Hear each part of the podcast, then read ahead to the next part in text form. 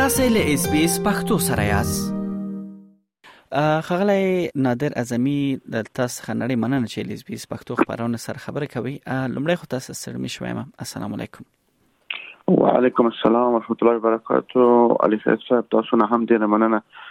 چې دا موقع زه مساعد کو ان شاء الله ډیره مننه سم خوشاله اوسئ اعظمي سه محترم د دې شاید یو چې د استرالیا په نیو ساوث ولز ایالت کې چې ساس ټولنه دلته تر ټولو لوی ټولنه ده او فعالیت کوي تاسو ځوانانو لپاره د فوتبال یو ټورنمنت پر مخ اچولای دی چې دا له تیرې یکشنبه څخه پیل او د غراتلونکو یکشنبه د پای ته رسیدي که دغه ټورنمنت په اړه باندې یو څه معلومات راکړي چې مقصد یې تر شاسه دی دا ټورنمنت چې د افغانانو د بیل بیلو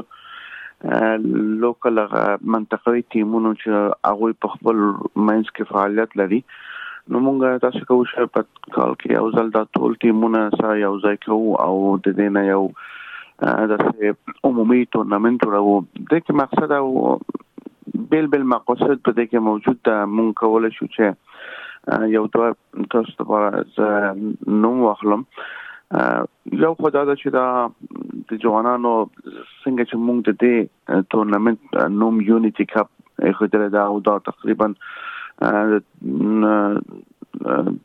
تقریبا او کال کېږي چې اوس پورې دا هر کال الحمدلله روان روان دی او هر کال نه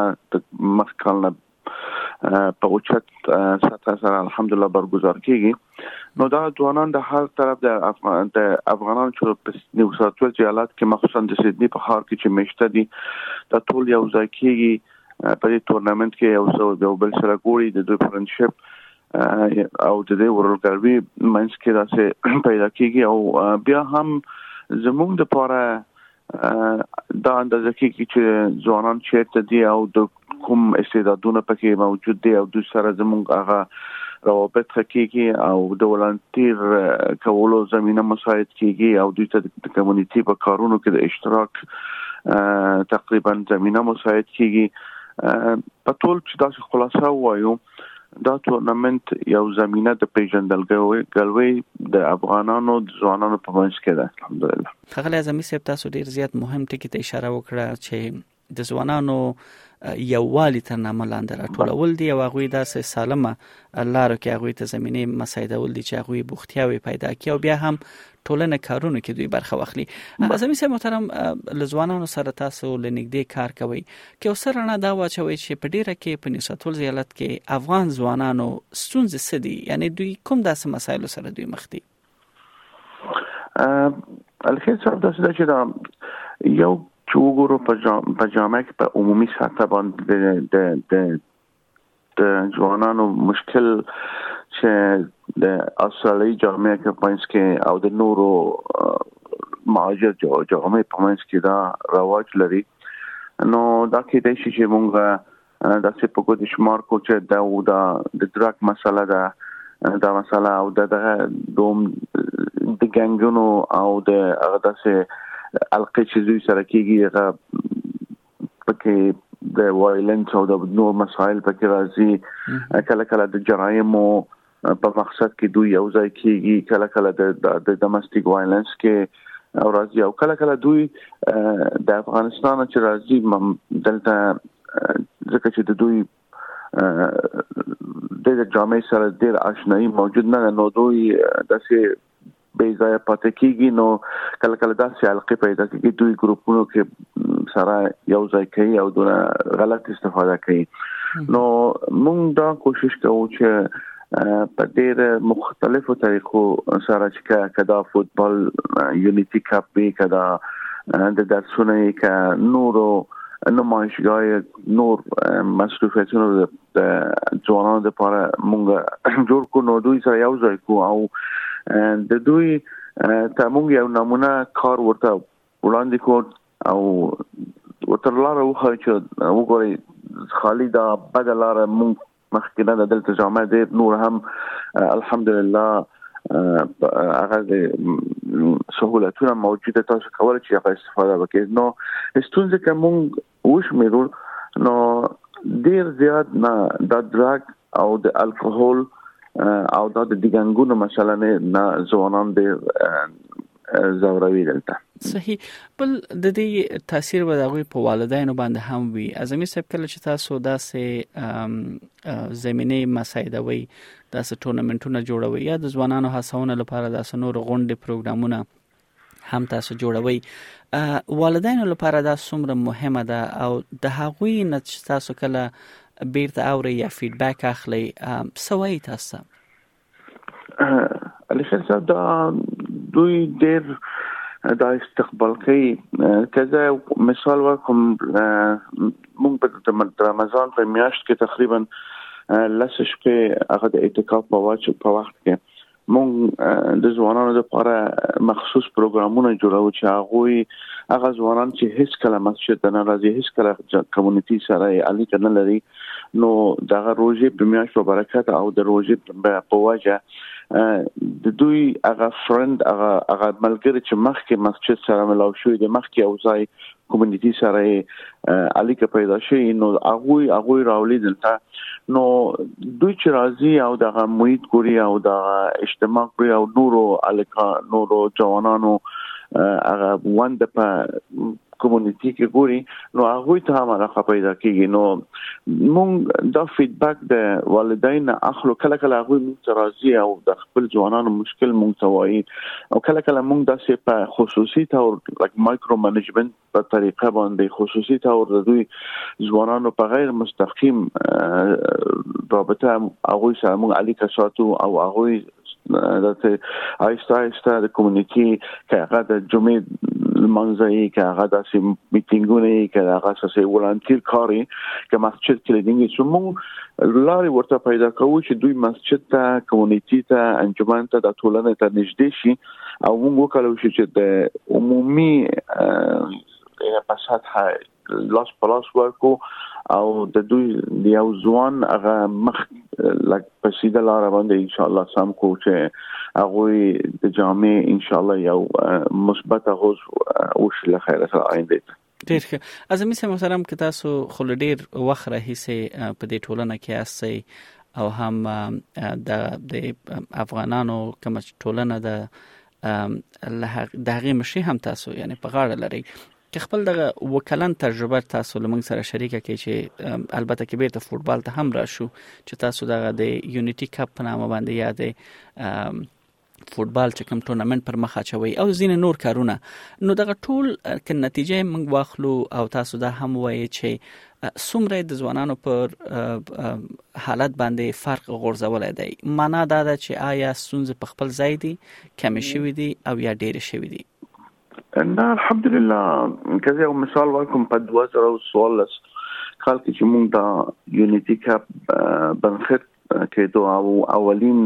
په لومړی ځل دا پروګرام موږ جوړ کو زما په یاد کې دا چې هغه پروګرام ډیر یو سخت او ډیر د ستونزې سره دغه پروګرام او په هغه کې لکه جنگونه پکې وشو پولیس انټرفیر پکې وشو خلک د بهر نه مداخله وکړه ځوانانو داسې دښمنی خپل دښمنی چې بهر کې درلوده هغه د کپ د یونیټ هغه د فوتبال په ګراوند کې راولله نو هغه سال ډیر سخت کال و موږ لپاره موږ بیا هم موږ د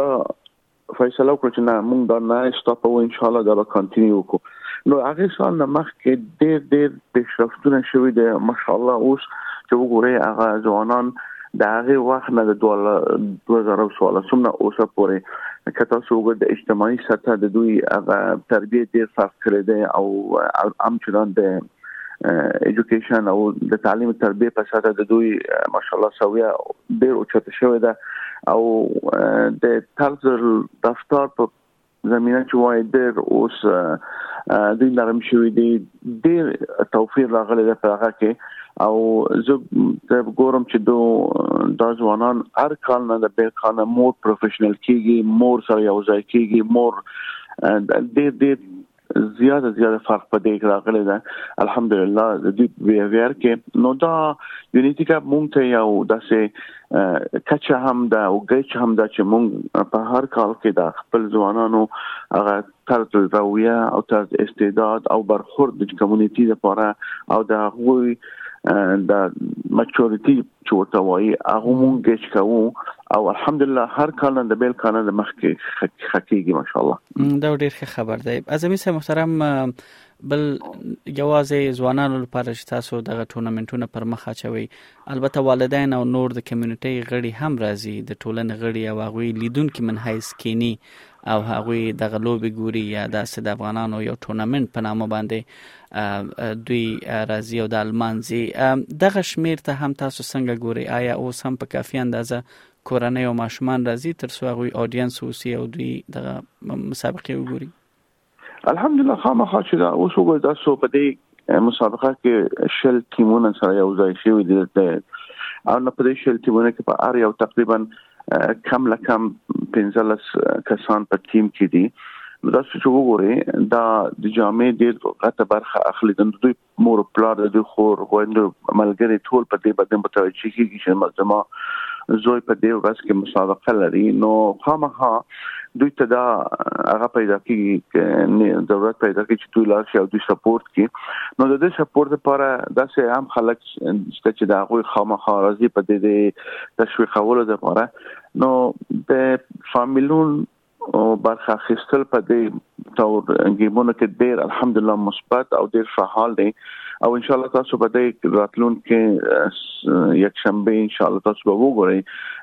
چې دوی د ګیم کله چې سیمه فائنل او فائنل ته رسیږي ډیر زیات فامیلونه پکې ان شاء الله اشتراک کوي او ډیر یو فامیلی فضا او یو فیستیوال فضا حالت جوړیږي ان شاء الله صحیح ازمی صاحب محترم زما ورسې پوښتنه دا ده چې تاسو خپل د ټولنې چې د افغانانو ټولنه ده په نیو ساوت ولز ایالت کې میشته دوی ته ځوانانو ته څه پیغام لري والدینو ته څه پیغام لري او دغه ترڅنګ څنګه دوی هڅوي ترڅو هغوی نه یوازې دا چې داسې سپورتي ټورنمنټو کې برخه واخلي بلکې ټول د کمیونټي په کارونو کې برخه واخلي او که اوسه رڼا په دې هم واچوي چې دغه ګټه څومره زیات دي ډیره مهرباني ان شاء الله زموږ پیغام همیشه دا د مثبت پیغام د یووالي پیغام ده او د خپل کمیونټي په شاوخوا کې سره یو کېدو پیغام ده الحمدلله د انجمن په سره کې موږ ډیر مختلف پروګرامونه لرو د دوی د پاره کړه د د تجوید کلاسونه نه واخلئ د افټر ورک پروګرام د باربیکیو مونږ لرو په هر فورنایټ کې چې ځوانانو لپاره د فری باربیکیو او مختلفو علما او راضي په مختلفو سطح باندې دوی ته د ژوند لار خي دا ټول اسلامي کې سپیچونه پکې د اجتماعي خبرې هم پکې راځي مونږ دا د فود دا د غذایی مواد ویشلو یو پروګرام لرو چې په هر جمعه کې مونږ هغه غریب بیچاره د پر هغه ویشو او هغه پروګرام هم د ځوانانو د طرف نه کیږي او دا چې نور ولنټیر کارونه چې په کمیونټي کې پیدا کیږي ټول ځوانانو کار ده او موږ همیشه د خپل فامیلونو یعنی مو پلارو لکه د فامیلونو دا غوښتنه لرو چې خپل ځوانان مونږ ته ولېږي تشویق وکړي چې مسجد ته لاړ شي تشویق وکړي چې کمیونټي د کارونو کې برخه واخلي چې فاتحه کې جنازه کې هر شي چې دوی مونږ سره داسې یو وار ملاو شي او مونږ وپیژنو چې چیرته ده او که داسې وي په جامعه کې چا خپل ځوانانو سره انستونزې لري که هغه مونږ ته یو ور په ډیر خصوصي او پرایویټ ساته مونږ ته ساتو دا مسایل مونږ سره دا مشکل یو کی ان شاء الله زمونږ سره داسې سپیشل پروفیشنل ځوانان موجود دي چې خپل زمونږ د زموږ په خپل معاون چې د استاد فرید په خپل ډیر یو با تجربه د ځوانانو لپاره د سوشل ورکر ده نو موږ کول شو چې هغه سره ان شاء الله مدد وکړو او استونزې سره شریک کو ان شاء الله او په ګډه سره هغه استونزې ان شاء الله سره په مثبت تور باندې حل کو ډیر ښه ډیر ښه نړۍ مننه خغل اعظمي صاحب به هم تاسو لا ډیر بریاوي غواړم علي خان صاحب تاسو نه ډیر مننه تاسو همیشه په دې مسایلو کې ان شاء الله برخه اخلئ او مشه تشویق کوئ دا ډیر زموږ داسې داسې ډیر خاطر جام د تاسو په پښتو بیس بیس په پښتو څنګه تاسو الحمدلله فعالیتونه ډیر کوي او د میډیا او د جامع ترمنځ کې تاسو ډیر خپل هسته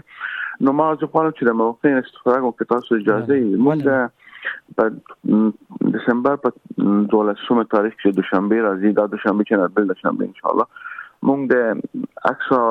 وومن اچیفمنت اوارد لرو چې ان شاء الله تاسو هم پکې دعوت یاست ان شاء الله نو هغه په بلک ټاون کې ده نو هغه کې مونږ د خپل خويندو خپل مورو مورو خپل د خزې چې په کمیونټي کې غزه کارونه کې دا غوونه مونږ نو زه تاسو د رادیو طریق نه د خلکو نه دعوت کوم چې ان شاء الله په دې غن بوند کې هم برخه واخلي نو ان شاء الله دا غوي د لپاره هم ښه انوایرنمنت هم انټرټینمنت هم ښه غذا ورته برابر شوې ده او هم د خپل هغه خوند وند کې چې اچیومنت لري هغه د استعدادونه لري دا غو تشویق لپاره ان شاء الله راشي له خیره ډیر ښه خبر دی ډیر ښه بیا هم تاسو صبر یل توپ غواړم ډیر مهرباني علي خیر سره خبر اوسه اس پی اس پختو په فیسبوک کې تا کې پلی مطلب یو فاک کړئ نظر ور کړئ او له نورو سره شریک کړئ